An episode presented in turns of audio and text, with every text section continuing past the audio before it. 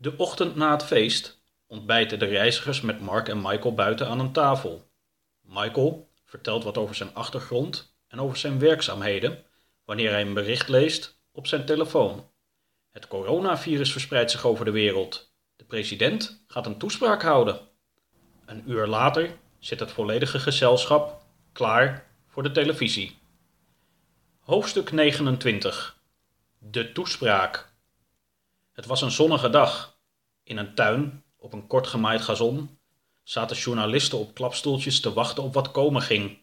Links en rechts van een klein wit podium met daarop een robuust spreekgestoelte stonden kersenbomen in bloei. De volle, zachtroze bloesemtakken wiegden zachtjes door toedoen van een zwak briesje. Achter het podium was een deel van een groot, witstenen gebouw met grote, witstenen pilaren zichtbaar. Uit de schaduw tussen de pilaren trad een kleine groep mannen en vrouwen naar voren. Voorop liep president Trump in pak met rode stropdas. De president nam plaats achter het spreekgestoelte. Zijn gevolg verspreidde zich achter hem over het podium. Beste landgenoten, begon de president. Zoals jullie alle weten, verspreidt het coronavirus zich momenteel over de wereld. Europa is inmiddels hard getroffen en ook hier in Amerika hebben we al doden moeten betreuren. De regering werkt momenteel heel hard voor u en ik kan u garanderen dat we al enorme vorderingen maken.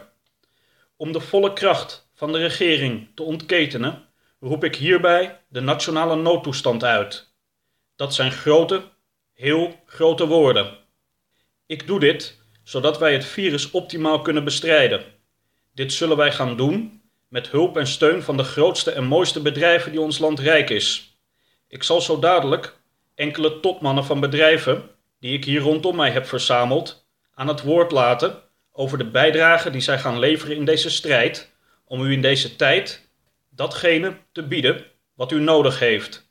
Ik kan u alvast zeggen, de toewijding is bijzonder groot.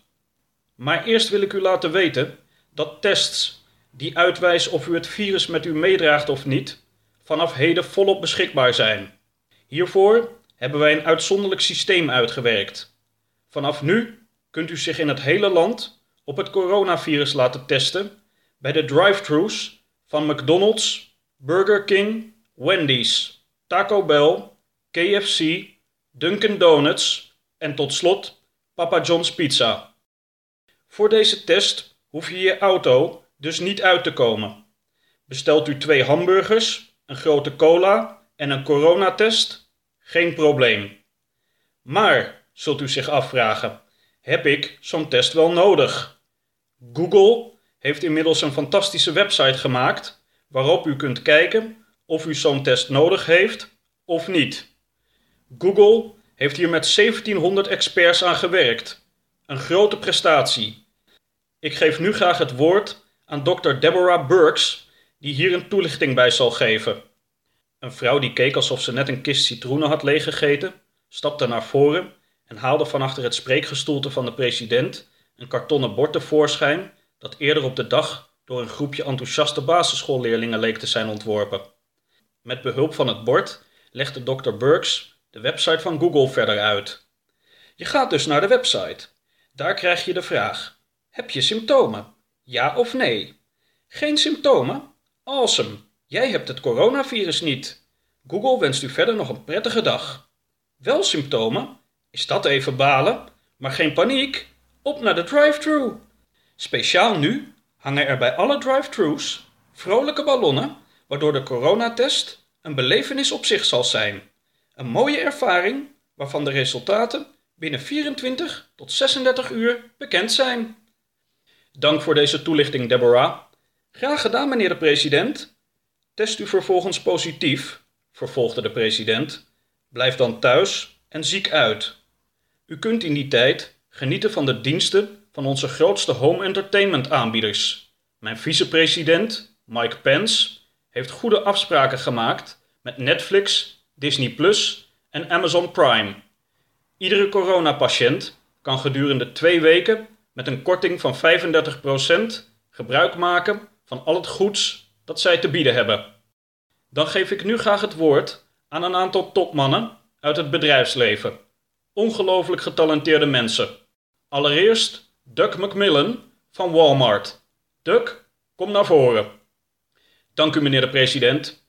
Ik weet dat de vestigingen van Walmart, waar u terecht kunt voor vrijwel al uw boodschappen, voor veel Amerikanen onmisbaar zijn.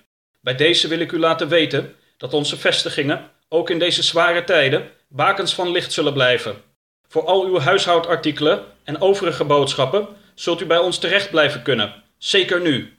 De komende maand, dus echt de hele maand, bieden wij in al onze vestigingen 50% korting op ons gehele chocolade- en vruchtenijsassortiment. Dank je, Doug. Jij kunt dat. Walmart. Geweldig bedrijf. We doen het graag, meneer de president. President Trump liet nog een aantal bedrijfsleiders aan het woord. De laatste was een zekere Mike Lindell, de hoogste baas van een kussenbedrijf genaamd MyPillow. Mike, vriend, kom naar voren.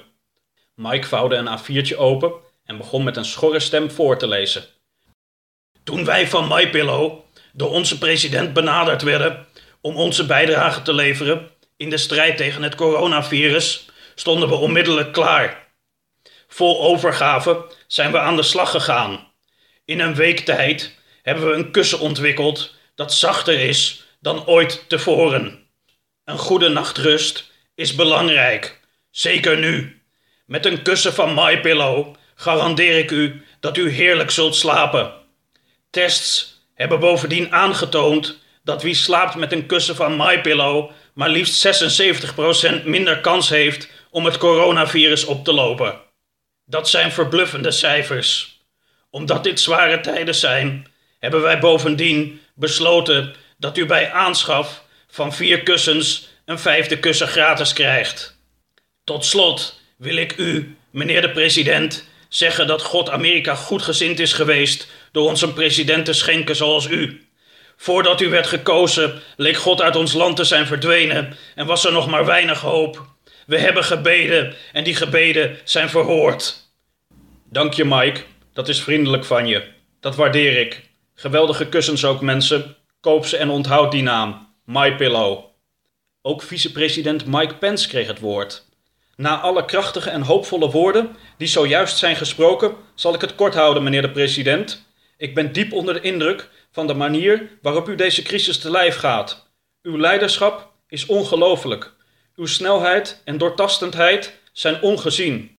U zet mensen altijd op de eerste plaats. We hebben alles aan u te danken. Het is met de grootste eer dat ik u dien.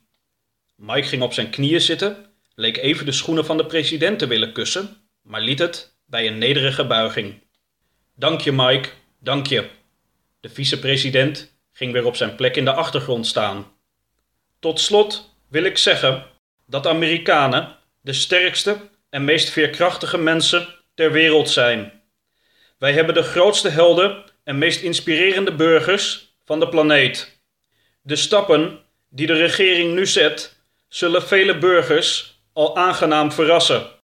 U heeft zojuist ongelooflijk getalenteerde mensen aan het woord gehoord. Ik heb hier een aantal grote genieën achter mij staan. Wees niet ongerust. Geen land ter wereld is zo goed voorbereid en uitgerust als het onze. Wij doen dit beter dan om het even welk ander land. Wij hebben dit totaal, ik herhaal, totaal onder controle.